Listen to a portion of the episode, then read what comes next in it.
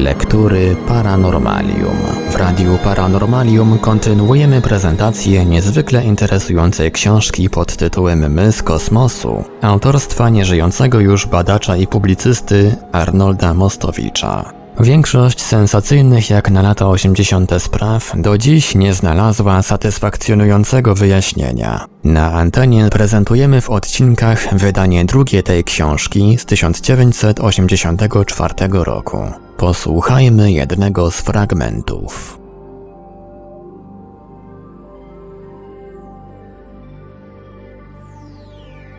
Książka Eryka Gerie jeśli mogę dziś podzielić się z czytelnikami polskimi wszystkimi tymi szczegółami, to nie dlatego, że natrafiłem na ogłoszone przez badaczy francuskich prace i czerpałem z nich moją wiedzę. Nie. Przeczytałem po prostu książkę Eryka Guerriera, noszącą tytuł Esej na temat kosmologii dogonów. Arka Nomo, która to książka ukazała się w 1975 roku nakładem francuskiego wydawnictwa Roberta Lafont. Książka stanowi komentarz do obydwu wspomnianych tu publikacji. Eric Guerrier ma lat 41 i jest profesorem architektury w Marsylii. Interesuje się archeologią i astronomią. Jest współpracownikiem Katedry Prehistorii w Marsylii. Jak powiada we wstępie do swojej książki, inspiracją do podjęcia tej pracy stała się dla niego telewizja. Ściślej mówiąc, transmisja z lądowania pierwszego człowieka na Księżycu. Przypomniał sobie wówczas Gerie, że scena, którą obserwuje, została już gdzieś dokładnie opisana. Sięgnął po publikację etnologów francuskich z 1965 roku. Jest tam mowa o archaniele noszącym imię Nommo, który przybył arką na ziemię i na niej po raz pierwszy postawił nogę. Opis jest identyczny. Nawet ów ślad pozostawiony w obydwu wypadkach przez stopę kosmonauty. Guerrier raz jeszcze przeczytał obydwie publikacje i uderzyło go coś, na co etnologowie nie zwrócili początkowo wcale uwagi. Otóż relacjonując wiedzę dogonów o Syriuszu, badacze francuscy nawet nie zorientowali się, że zawiera ona elementy dopiero od niedawna znane współczesnym astronomom. Guerrier, mający jakie takie pojęcie o tej nauce, zrozumiał, że kosmogoniczny system dogonów zawiera frapujące wręcz zbieżności z najnowszymi teoriami kosmogonicznymi i hipotezami o budowie wszechświata. Zabrał się więc Guerrier do gruntownego zbadania relacji profesorów Griola i Dieterleo. Tak w pierwszej, jak i w drugiej swojej relacji starali się przekazać materiał niczym nie ubarwiony, obiektywny i czysty. Ani razu na przykład nie stawiają sobie pytania, skąd u dogonów tego rodzaju wiedza? Gdzie, w jakim okresie swoich dziejów mogli ją zdobyć? Pytanie to, które stale przewija się przez komentarz Guerriera, ani na chwilę nie opuszcza czytelnika. Pozostaje oczywiście bez odpowiedzi. Ale, jak ktoś już powiedział, bywają pytania bez odpowiedzi płodniejsze od nadętej pewności siebie. Książka Eryka Guerriera jest komentarzem pisanym pod pewnym określonym kątem widzenia. Mit dogoński i wyjaśnienia etnologów interpretowane są, a raczej przełożone na język współczesnej nauki, współczesnej wiedzy o świecie. Ani Griol, ani Dieterlen tego nie czynili. Nie czynili choćby dlatego, że są w tej dziedzinie laikami. Warto podkreślić ten fakt dla bardzo istotnej przyczyny. Chodzi o to, by z góry odeprzeć zarzut, który mógłby paść, że rozmawiając z dogonami uczeni francuscy włożyli im w usta określenia, terminy, obrazy czy słowa wynikające ze współczesnej wiedzy astronomicznej. Mogłoby to być oczywiście podświadome, o żadne świadome oszustwo posądzić badaczy francuskich absolutnie nie można. Ale, jak widać, nawet to jest mało prawdopodobne, jeśli się zważy, że prowadzący badania naprawdę niewiele wiedzieli o kosmologii i o astronomii, i nawet o lotach kosmicznych. Oczywiście komentarz Eryka Guerriera jest z punktu widzenia czysto naukowego dość ryzykowny. Ale mógł to Guerrier uczynić na takiej samej zasadzie, jaką kierowali się egzegeci Biblii. Sama prawda o mitach dogonów nie zazna uszczerbku, skoro została już przekazana przez uczonych profesorów z całym bagażem aparatury naukowej. a po drugie, co komu może zaszkodzić podobna operacja. Czytając książkę Guerriera, ma się przekonanie, że nie ma w niej nic z kamuflażu, nic z mistyfikacji, że nic w niej nie jest naciągnięte. Co więcej, pisząc tę książkę, Guerrier przez cały czas konsultował swoje opinie z opiniami Germain Dieterlin, a więc osoby w sprawach dogonów najbardziej miarodajnej. Ona mu w tej egzegezie pomagała, aczkolwiek, jak Guerrier lojalnie przyznaje, z jego ostatecznymi wnioskami się nie zgadza, aprobując zresztą ich logikę.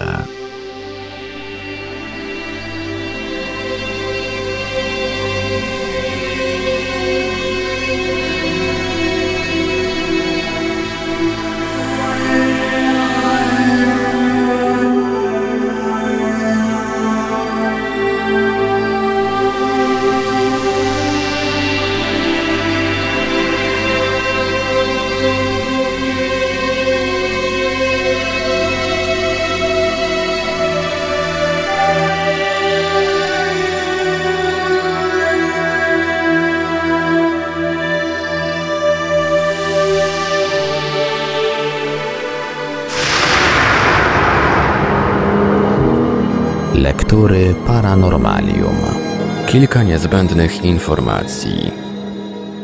Zresztą, prawdę powiedziawszy, trudno zrozumieć wagę całej tej relacji bez jeszcze jednego istotnego komentarza. Chciałbym to wyjaśnić, abyśmy już wspólnie wiedzieli, czego się trzymać i co tu się gra. Otóż dogoni są analfabetami. Ich bogata tradycja ustna, podparta całym arsenałem znaków graficznych, przekazywana jest z pokolenia na pokolenie obrazami, metaforami, synonimami, porównaniami, właściwymi ich kulturze i ich mentalności. Słowo ma tam nie tylko swoje potoczne znaczenie, lecz również zasięg znacznie szerszy. Etnologowie francuscy notują w pierwszym rzędzie te słowa, w których zawarta jest treść opowieści. Następnie zaś notują komentarz samych dogonów do tego, co zostało opowiedziane.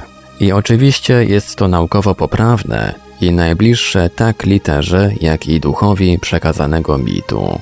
Oto dla przykładu jedno zdanie, mogące dać pogląd, jak taki mit w opowieści ustnej wygląda. W ten sposób Amma wewnątrz jaja był sam sobą, jak ruch obrotowy, jak przyspieszona kula.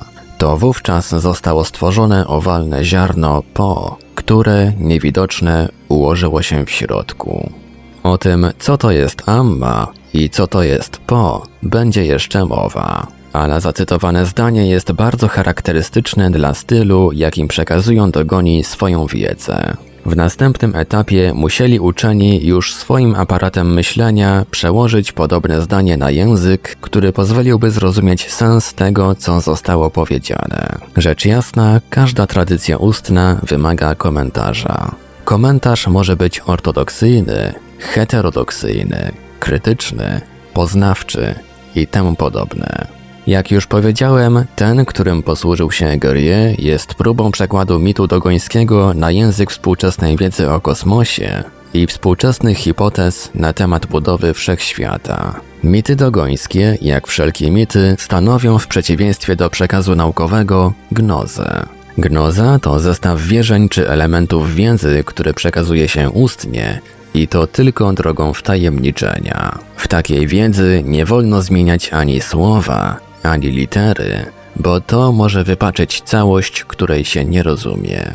Naukę, w przeciwieństwie do gnozy, wystarczy zrozumieć. Jaskiniowcy z Nowej Gwinei mogą przekazywać sobie treść teorii względności, nie rozumiejąc jej. Kiedyś może ją zrozumieją, ale do tego czasu musi ona być przekazywana w formie wtajemniczenia i musi to być przekaz w pełni zachowany, który w formułce niczego nie zmieni. Podobny charakter ma to wszystko, co przekazali dogoni uczonym francuskim. Zresztą nie są to mity, na które monopol mają wyłącznie dogoni. Murzyni Bambara, Boro, Malinka, których dogoni uważają za swoich kuzynów, posiadają system mitów zbliżony bardzo do dogońskich. Ale u dogonów jest to system, jak twierdzi profesor Dieterle, najbardziej rozwinięty. Dodajmy jeszcze, że na opublikowanie czeka ta część, która dotyczy historii człowieka. Zanim przystąpię do szczegółowego omówienia treści mitu dogońskiego, chciałbym zwrócić uwagę na jeszcze jeden istotny fakt. Otóż, jeśli się zważy stopień rozwoju cywilizacyjnego i kulturalnego dogonów, to jest oczywiste, że z ich strony jakakolwiek mistyfikacja nie była możliwa. Podaję to tylko gwoli ścisłości, bez zamiaru negowania z góry wszelkich uwag krytycznych czy chociażby sceptycznych. Tylko, że często za parawanem sceptycyzmu kryje się uprzedzenie, które nakazuje widzieć wszędzie zwykłe nabieranie gości. Prapoczątek według hipotez współczesnych. Na wstępie kilka słów o niektórych współczesnych hipotezach kosmogonicznych i kosmologicznych. Od pierwszych chwil swej historii, od pierwszych przejawów swego intelektualnego rozwoju starał się człowiek odpowiedzieć na pytanie, skąd się wzięły gwiazdy, jaka jest budowa otaczającego go kosmosu. Przez dziesiątki tysięcy lat wystarczały mu te odpowiedzi, których na powyższe pytanie udzielały mity czy różne systemy religijne. Na szczęście przyszedł czas, że nie każdego już odpowiedzi te zadowalały, a pewne konkretne potrzeby zmuszały do sięgnięcia po wiedzę bardziej autentyczną od tej przekazywanej w formie mitów religijnych. Zbliżenie się do prawdy naukowej wymagało coraz bardziej skomplikowanych narzędzi poznania. To dzięki nim poznaliśmy wiele prawd niepodważalnych, jak na przykład obrót Ziemi wokół Słońca, jak istnienie miliardów systemów planetarnych, czy miliardów uciekających od siebie galaktyk. Dzięki nim też nauka mogła narzucić pewne hipotezy, mniej czy bardziej prawdopodobne, dotyczące początków wszechświata czy jego budowy. Trudno zresztą powiedzieć, czy kiedykolwiek myśl ludzka będzie mogła przekroczyć studium hipotez w sprawach tak odległych w czasie i przestrzeni. Kilka lat temu nakładem PWN ukazała się u nas znakomita książka uczonego radzieckiego Parnowa na skrzyżowaniu nieskończoności. W książce tej autor streszcza innymi najnowsze teorie i hipotezy dotyczące ewolucji wszechświata. Prawie wszystkie te teorie, niezależnie do jakiego modelu się odwołują, mają wiele punktów wspólnych. A więc po pierwsze, Kiedyś, około 15-20 miliardów lat temu, cały wszechświat zajmował znikomą przestrzeń. Można to obliczyć, obliczając szybkość uciekania galaktyk, a więc szybkość rozszerzania się, ekspansji wszechświata. Powiada Parnow. Każda próba stworzenia teorii ewolucji wszechświata prowadzi z nieubłaganą konsekwencją do nader prawdopodobnego założenia, że nasz świat był kiedyś w stanie nadzwyczaj zagęszczonym i zajmował znikomą objętość. Pierwsze hipotezy co do składu wyjściowego materii przedgwiezdnej przypuszczały, że składała się ona wyłącznie z neutronów. W pewnej chwili, którą można przyjąć za początek ewolucji wszechświata, wszystkie odległości były nieskończenie małe, gęstość zaś nieskończenie wielka. Tak wyglądał świat przed wybuchem. Koniec cytatu. Parnow zastrzega się, że termin przed wybuchem jest nieprecyzyjny. Cytat. Jeśli przyjmiemy eksplozję, Big Bang, za początek ewolucji wszechświata, to musimy pogodzić się z tym, że dopiero od tej pory zaczyna się liczyć czas. Koniec cytatu. Po prostu przed tym nie było czasu ani przestrzeni. Istniała tylko nadgęsta bomba, której 1 cm sześcienny ważył 100 tysięcy miliardów ton. Przyjęcie hipotezy mówiącej o tym, że kiedyś nie było ani czasu, ani przestrzeni, wymaga zarówno olbrzymiej wyobraźni. Jest to oczywiście związane z rozwojem intelektualno-cywilizacyjnym. Od momentu więc wielkiej eksplozji, która oznacza początek wszechświata, zaczął się on rozszerzać i rozszerza się coraz szybciej. Hipotezy dotyczące dalszego rozwoju wszechświata są równie pasjonujące, ale nie miejsce tu, by się nad nimi rozwodzić. Zanim jednak wrócimy do naszych dogonów i ich mitu kosmicznego, jeszcze jedno zdanie z Parnowa, a właściwie ułamek zdania. Z bomby nadgęstej jak z jaja wykluł się nasz świat. Trudno o lepszą przenośnie. Proszę ją zapamiętać. Prapoczątek według dogonów. Nikt się chyba nie spodziewa, że jakiekolwiek hipotezy dotyczące naszego wszechświata wyrażone będą w micie dogońskim tymi samymi zwrotami, co w książce Parnowa. Chodzi tu o interpretację opowieści, w których dogoni przekazują sobie z pokolenia na pokolenie prawdę o prapoczątkach wszechrzeczy. Interpretacja jest w pierwszym rzędzie dziełem Guerriera, częściowo i moim, ale w sumie narzucić się musi każdemu. Guerrier pisze: przeciwieństwie do wszelkich teorii, będących rezultatem objawienia religijnego, których teksty posiadają zawiłą i niejasną poetykę, tutaj mamy do czynienia z opowiadaniami o jasności zdumiewającej, zaopatrzonymi w podwójny komentarz, wtajemniczonych i etnologów. Koniec cytatu. Aby uniknąć nieporozumień, to, co będzie podane kursywą, a w niniejszym nagraniu oznaczone jako mit, stanowi zapis opowieści dogońskiej z ich własnym komentarzem i wyjaśnieniem etnologów francuskich. Reszta stanowi już interpretację, czy też próbę przełożenia opowieści na język naukowy. Zaczyna się ta opowieść tak. Mit. Na początku wszystkich rzeczy był Amma, Bóg, który na niczym nie spoczywał. Jajo kula Amma było zamknięte. Oprócz tego nic nie istniało. Koniec cytatu z mitu.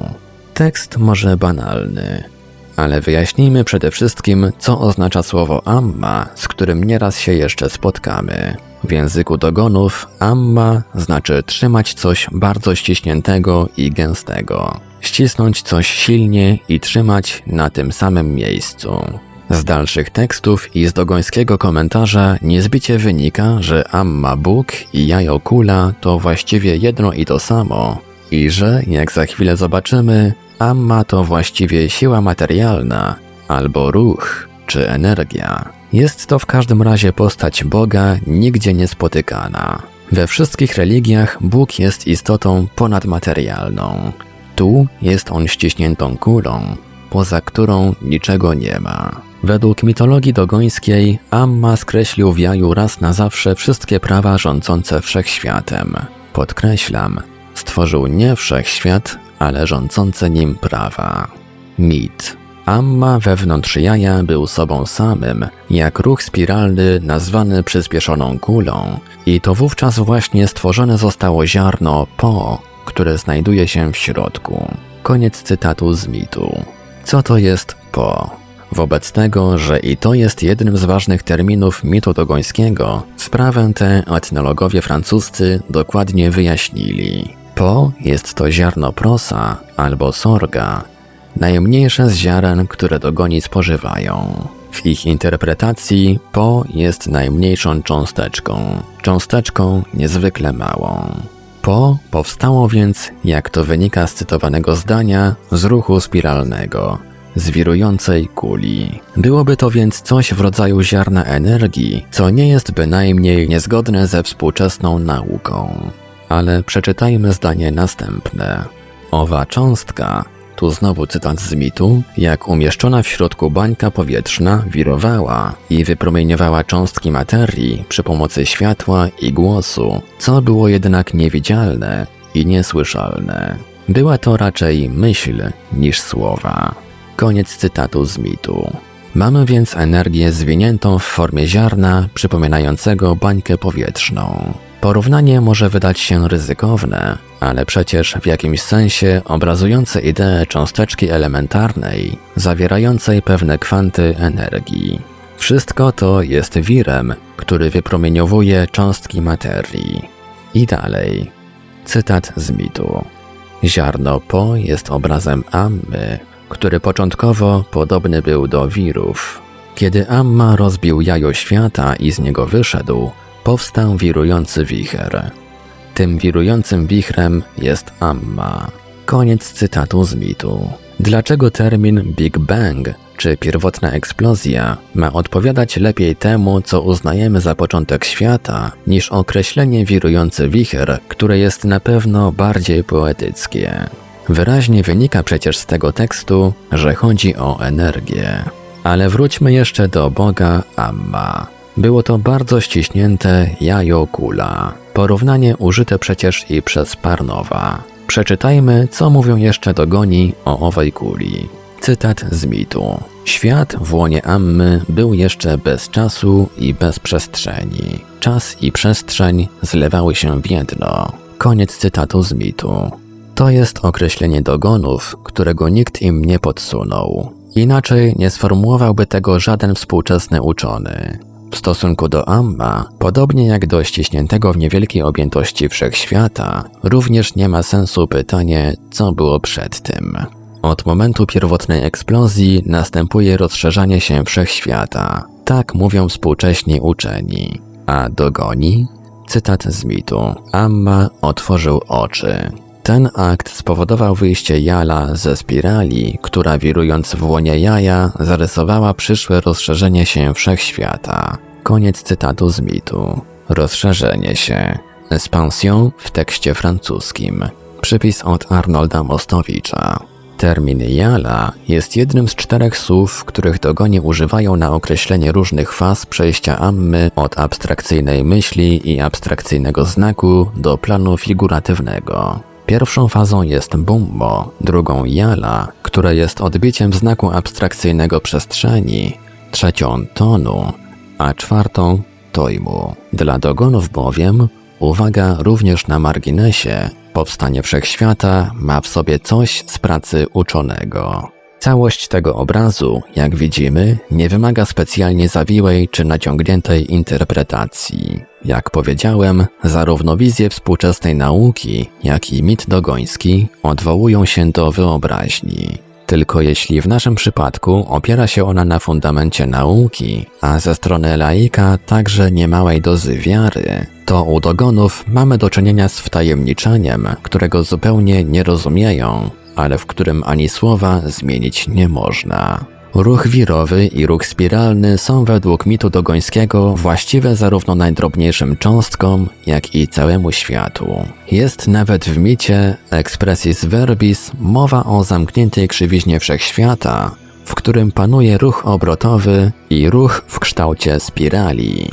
Zacytujmy raz jeszcze Parnowa. Na początkowym etapie rozszerzania, kiedy promień krzywizny wszechświata wynosił zaledwie kilka centymetrów, istniały tylko neutrony. Hipoteza kuli neutronowej wyniknęła z żądania, by tylko jedna cząstka uznana została za podstawową. Koniec cytatu.